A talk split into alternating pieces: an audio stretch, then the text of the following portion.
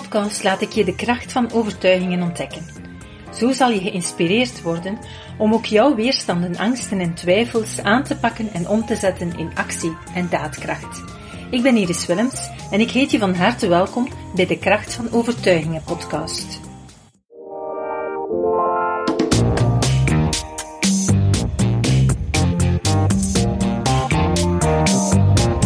Vandaag in deze podcast ga ik het hebben over wat je kan leren uit een ergernis die je hebt voor iemands gedrag.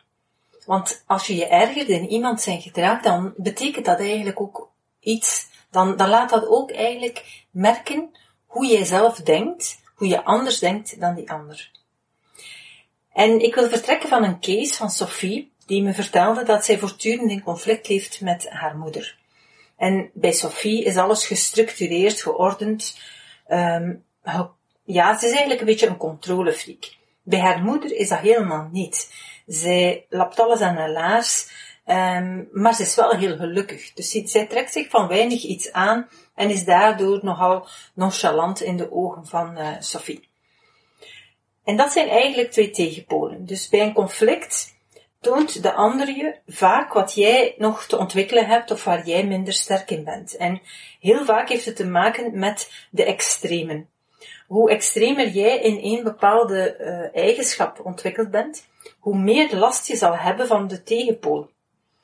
Bijvoorbeeld als we het hier nu bekijken over uh, dit thema, hè, dus enerzijds de lijn van structuur tegenover verandering.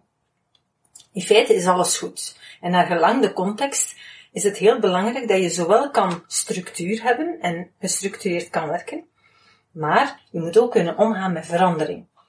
En wanneer je in een van beide polen heel sterk ja, ontwikkeld bent of je heel sterk in vastgebeten hebt, dan, dan ga je het vaak moeilijk hebben met de andere kant.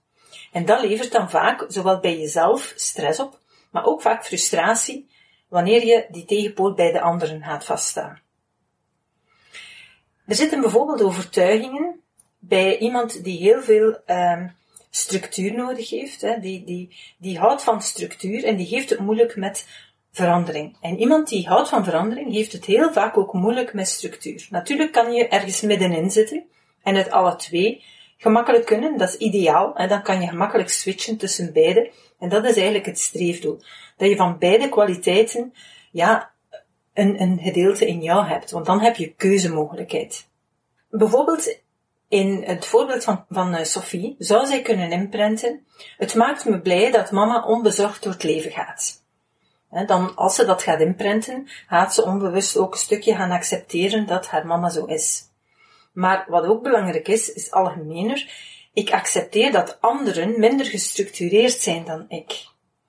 Ik accepteer dat anderen nonchalanter zijn in het leven. Of ik accepteer dat anderen veel flexibeler en veel minder nauwgezet of, of um, ja, vast zijn aan hun afspraken of aan manieren van leven of dergelijke.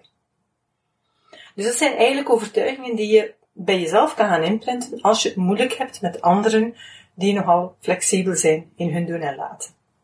Verandering is eigenlijk een kwaliteit, of kunnen omgaan met verandering Um, houden van verandering is een kwaliteit. Maar als die mensen die heel veel houden van verandering onder stress komen te staan, dan kunnen die overkomen als chaotisch en vaak ook oppervlakkig. Omdat onder stress gaan we een kwaliteit altijd overdrijven. Dan gaan we altijd naar het extreme daarvan. Maar iemand die houdt van structuur, die gaat onder stress ook die kwaliteit overdrijven en die kan komen tot rigiditeit. Ja? Vastzitten, star worden. En ik denk dat het wel heel duidelijk is, als die twee tegenover elkaar komen, iemand die echt in, in zijn chaotische overdrijving zit en de ander die in zijn rigiditeit of zijn starheid zit, ja, die, die twee komen met elkaar in conflict. Dus stress gaat er altijd voor zorgen dat mensen in hun extremen gaan en dat ze elkaar niet meer begrijpen en dat ze elkaar verwijten wat de ander doet. Maar als je iemand verwijt wat hij doet, dan wil dat zeggen dat dat jouw tegenpool is. En die heeft vaak een kwaliteit waarvan jij iets te ontwikkelen hebt. Hoe meer jij de tegenpool ook gaat ontwikkelen bij jezelf, hoe minder ver jullie uit elkaar gaan staan. Dus stel het u visueel voor. Aan de ene kant van de lijn staat verandering, iemand die houdt van verandering. Aan de andere kant staat iemand die houdt van structuur. Maar als die in stress komen, gaan die allemaal nog tien stappen verder uit elkaar. Dus die afstand tussen beiden wordt extremer. Zij begrijpen elkaar niet meer en ze gaan juist in een conflict komen. De ene verwijt de andere. Want we denken allemaal, op het moment dat we in die extreme staan, denken we allemaal dat wij de enige zijn die gelijk hebben. Terwijl dat dan niet waar is. De beide zijn nodig, zijn noodzakelijk zelfs, om je leven goed in de hand te hebben. Dus eigenlijk zouden we allemaal, die twee extremen, zouden juist meer naar het midden moeten toe evolueren. Want als de ene van zijn uit zijn positie meer naar het midden evolueert en de andere ook, dan kom je dichter bij elkaar te staan. En ga je elkaar veel beter begrijpen, ook al heb je nog altijd een andere voorkeur. Maar de extremen maken dat er geen begrip meer is. Dus als jij je ergert in een ander zijn gedrag die nogal heel flexibel is en het weinig nauwgezet neemt en weinig structuur heeft, dan wil dat zeggen dat jij ook af en toe moet leren om eens wat meer los te laten. Om het eens wat kalmer aan te doen, maar ook vooral om een keer wat nonchalanter te zijn. Ben je juist degene die het moeilijk heeft met um, de starheid van iemand, met het, uh, ja, het structuurmatige van iemand, dan wil dat ook zeggen dat jij ook af en toe wel eens wat meer in structuur zou mogen gaan. En dat het ook belangrijk is om in jouw leven bepaalde situaties of bepaalde domeinen wat meer structuur gaan in te brengen. Als je daar gaat naar kijken en daar gaat op werken bij jezelf, dan ga je merken dat je je automatisch minder gaat ergeren aan een ander zijn gedrag. En dat maakt dat je het minder stress krijgt en dat je relaties ook veel beter gaan worden, dat je elkaar ook veel gemakkelijker gaat begrijpen. Dus door stress gaan we elk in onze extremen. En achter die extremen zit altijd een kwaliteit. Dus iemand die, die rigide is en vasthangt en star is, daarachter zit kwaliteit van structuur hebben. En iemand die heel nonchalant is en zich van niets iets aantrekt, daarachter zit de kwaliteit dat hij heel gemakkelijk met verandering kan omgaan. Ja, en dat hij los en, en, en speels kan zijn. Um, en beide hebben een kwaliteit, maar de overdrijving van een kwaliteit is nooit goed en dat is hetgene wat we elkaar verwijten. Dus als je een verwijt krijgt of geeft, dan verwijt je de ander eigenlijk over zijn overdrijvingsgedrag. Dus door te gaan kijken wat zit er achter die overdrijving, ga je de kwaliteit ontdekken en achter die kwaliteit heb jij, in die kwaliteit heb jij vaak iets te leren of te ontdekken of te ontwikkelen.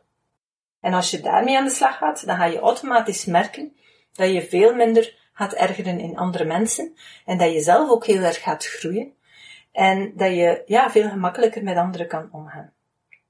Datzelfde geldt bijvoorbeeld bij dominantie. Dominantie is een overdrijving van daadkracht.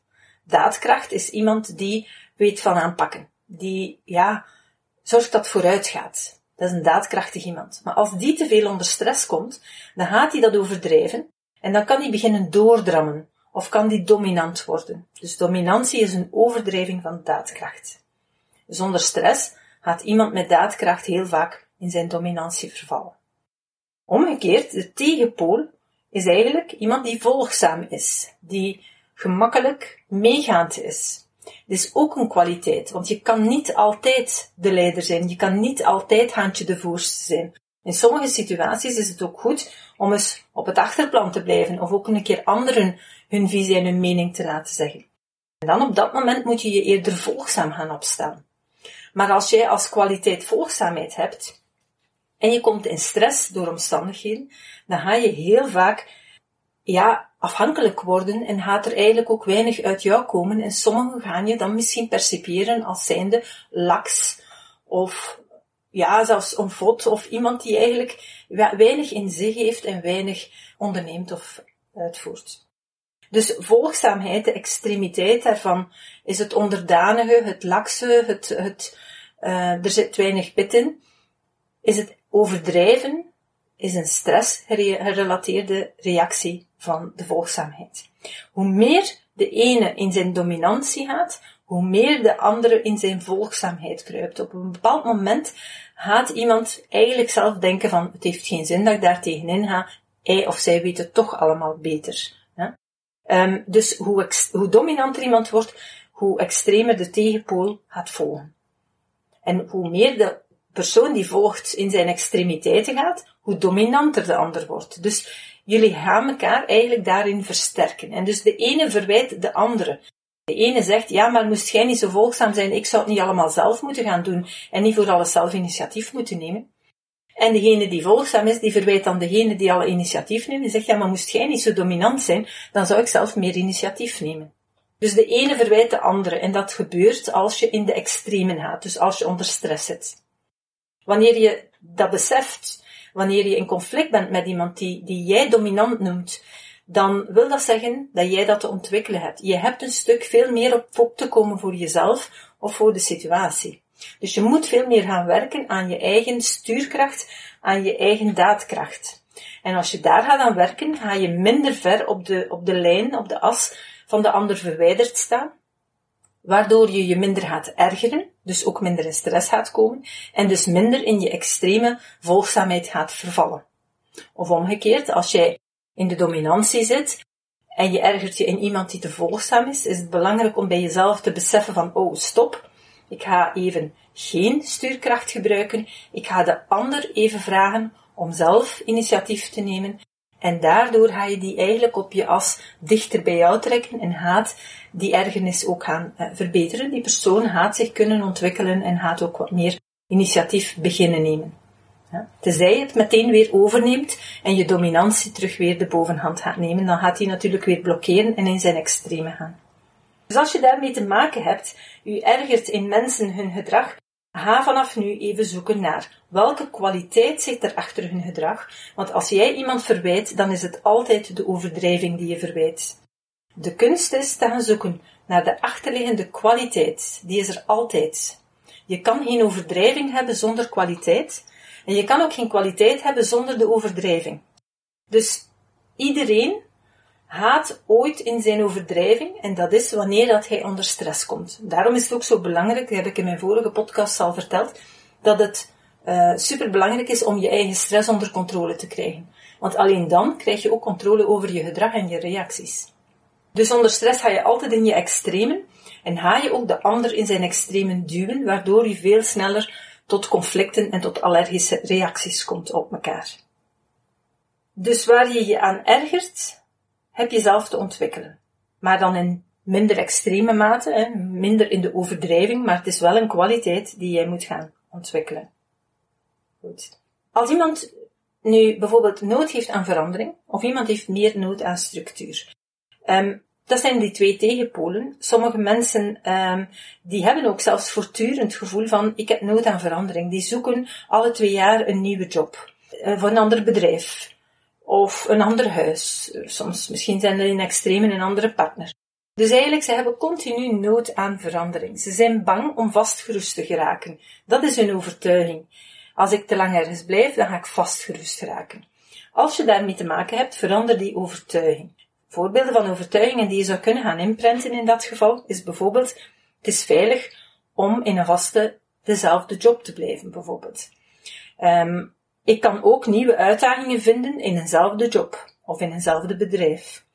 Structuur en herhaling bieden rust en comfort. Soms is dat ook eigenlijk vanuit de onrust en de stress dat we constant op zoek zijn naar verandering, vernieuwing. Dus probeer ook te werken aan je achterliggende overtuigingen die, die gekomen zijn, die ontstaan zijn, waardoor dat je denkt dat je altijd maar nieuwe uitdagingen nodig hebt. Um, dat is vaak ook een stukje zoeken naar voortdurend altijd weer opnieuw stress, uitdagingen. Nu weet, ik heb ook al in andere uh, podcasts en ook in de 22 dagen challenge toegelicht dat um, stress is ook een verslaving. Stress gaat gepaard met een aantal hormonen en die hormonen die maken zich in uw lichaam vrij, maar uw lichaam gaat daar ook eigenlijk op gaan reageren. Op een bepaald moment, als die stresshormonen weer verdwijnen, doordat je in rust komt, dan krijg je ontwenningsverschijnselen. En dan heb je de nood om vaak weer die, die stress te voelen.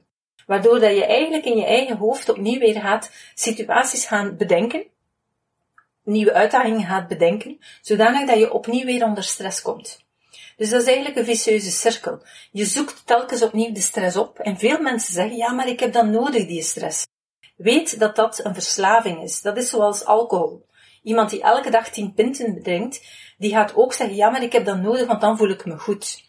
Het is niet omdat je denkt dat je het nodig hebt, omdat je denkt dat je je dan goed voelt, dat het daarom ook gezond is en dat het ook werkelijk u helpt. Hè. Um, dus die stress, dat is eigenlijk ja, gewoon een verslaving aan die adrenaline, de cortisol en alles wat je daarmee te paard gaat. En daar ben je eigenlijk verslaafd aan geworden.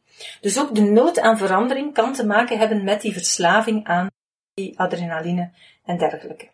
Andere mensen hebben dan eerder nood altijd aan structuur en hou vast. En die gaan zich daaraan vasthangen. En die zeggen van ja, maar ik hou niet van verandering. Ook dat is een overtuiging die, die ontstaan is. Um, belangrijk daarbij is dat je ook die overtuigingen dan gaat veranderen. Bijvoorbeeld, veranderen is veilig en leuk. Of ik pas me snel aan aan veranderingen. Want vaak hebben we dan het idee, ja, maar ik kan me niet goed aanpassen aan verandering. Ik hou niet van verandering. Die overtuigingen, doordat je die elke dag gaat herhalen, ga je daar vaste patronen in je brein maken en elke gedachte vertaalt zich in een fractie van een seconde in Hans uw systeem en in uw gedrag en in uw reacties.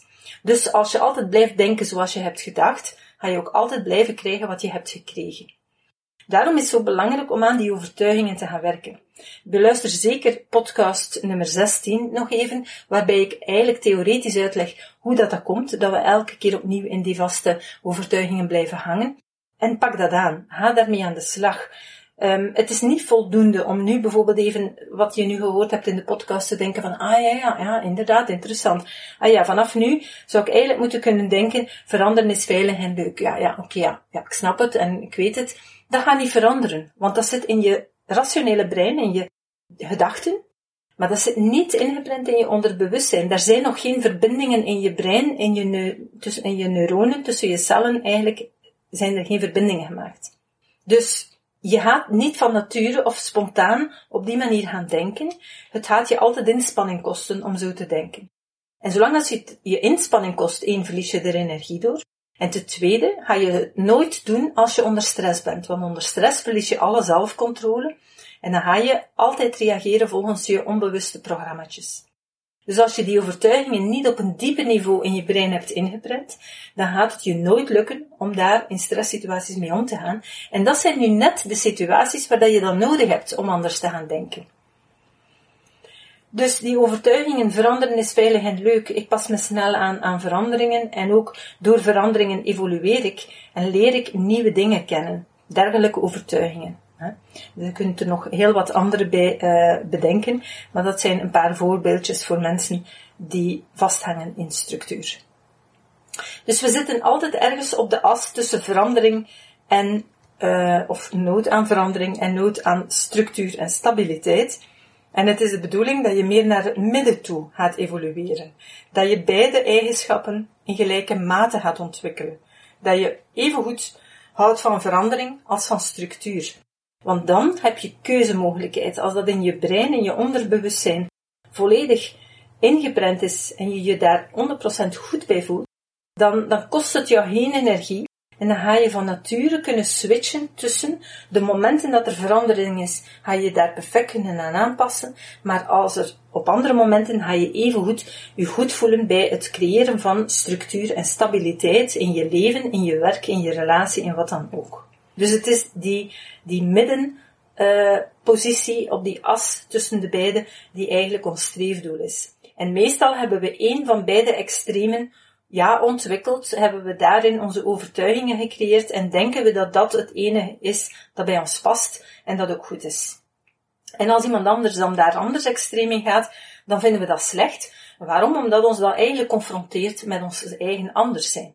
En we zijn allemaal geneigd om het probleem altijd bij een ander te leggen. Maar besef dat als jij zelf ook werkt aan, jouw, um, aan jouw kwaliteiten die je gaat ontwikkelen, of die je te ontwikkelen hebt, dat de afstand met de ander kleiner wordt en dat je je minder gaat ergeren in de extreme vorm. Dus als jij meer evolueert naar het midden, gaat de ander ook automatisch mee evolueren naar het midden, omdat hij geen nood heeft om tegengewicht te bieden aan jouw andere extreme eigenschap. Denk aan het verschil tussen dominante mensen en mensen die extreem volgzaam zijn en geen initiatief meer nemen. Hoe meer de ene in zijn dominantie gaat, hoe minder de ander initiatief neemt en omgekeerd. Dus Ik uh, wou u dit uh, deze week even meegeven om erover na te denken. Ergernissen bij anderen zeggen meer over jezelf, geven een spiegel van jezelf en laten je nadenken, als je dat wil natuurlijk, laten je nadenken over je eigen kwaliteiten, over de kwaliteiten van een ander en wat jij eigenlijk te ontwikkelen hebt, zodanig dat je minder extreem tegenover de ander staat en dat je elkaar meer kunt gaan begrijpen. Stress aanpakken is een cruciaal element daarin, want als je minder onder stress gaat, ga je minder in je eigen extremen um, en ga je dus ook gemakkelijker je overtuigingen kunnen veranderen en ga je ook gemakkelijker je gedrag kunnen gaan veranderen. Wil je graag aan de slag gaan met uh, alles wat ik besproken heb en wil je leren hoe je echt je overtuigingen kan herprogrammeren, hoe je ook je stress kan aanpakken zodanig dat je meer die zelfcontrole terugkrijgt, dan kan je nu nog even gebruik maken van de voordeelactie die nog loopt tot eind uh, deze maand, dus tot eind juli. En je kan nog meedoen aan de 22 dagen challenge. Het is wel een opname van de challenge die ik gedaan heb, maar de uh, ervaringen waren zo positief. De cases die aan bod kwamen waren zo inspirerend. Ik vond het zelf ook voor mezelf een heel echte verrijking dat ik het jullie zeker nog wil ja, de kans bieden om eraan mee te doen. Het zijn dus de opnames, geen live sessies, maar je kan wel nog altijd aan het voordeeltarief van toen instappen, want vanaf uh, augustus gaat de prijs naar omhoog. Het was aanvankelijk immers de bedoeling van sessies van uh, eh, 22 keer een uur te gaan aanbieden. Uiteindelijk zijn die sessies een uur en een half tot twee uur gaan duren. Er zijn meer dan duizend overtuigingen aan bod gekomen, meer dan 40 cases, heel wat theorie, maar ook elke keer een praktische, concrete oefening. Dus je gaat er echt wel heel grote stappen mee vooruit kunnen zetten. Dus als de inhoud van de podcast je geïnspireerd heeft en je denkt van ja, daar wil ik toch ook iets mee doen, want ik loop daar nu zo lang al tegenaan, wel weet, vanzelf verandert er niets. Weten is niet doen. En in die 22 dagen challenge neem ik je echt bij de hand en leer ik je hoe je het kan doen, hoe je het zelf kan doen, zodanig dat je van niemand afhankelijk bent. Um, er komen heel wat thema's aan bod, zoals de weerstanden tegen ontspanning, loslaten, veranderen, structuur, geluk, um, geluk in je leven, eh, leven op zich, genieten van het leven, zelfbeeld, perfectionisme, je mening uiten of je grenzen leren trekken, uh, doelen stellen, maar ook doelen bereiken, het vinden van oplossingen, uh, creativiteit toelaten rond geld. Er zijn ook heel veel mensen met onbewuste overtuigingen die belemmerend zijn rond geld, rond ondernemen, rond vertrouwen, rond gezondheid en noem maar op. Dus eigenlijk een heel, heel rijkdom aan verschillende overtuigingen die daarin aan bod komen. Dus je gaat echt grote stappen kunnen zetten door daarmee aan de slag te gaan. Als je daar interesse in hebt, ga naar prana.be schuine verjaardag en dan kan je daar registreren en krijg je meteen toegang en kan je ook meteen van start gaan.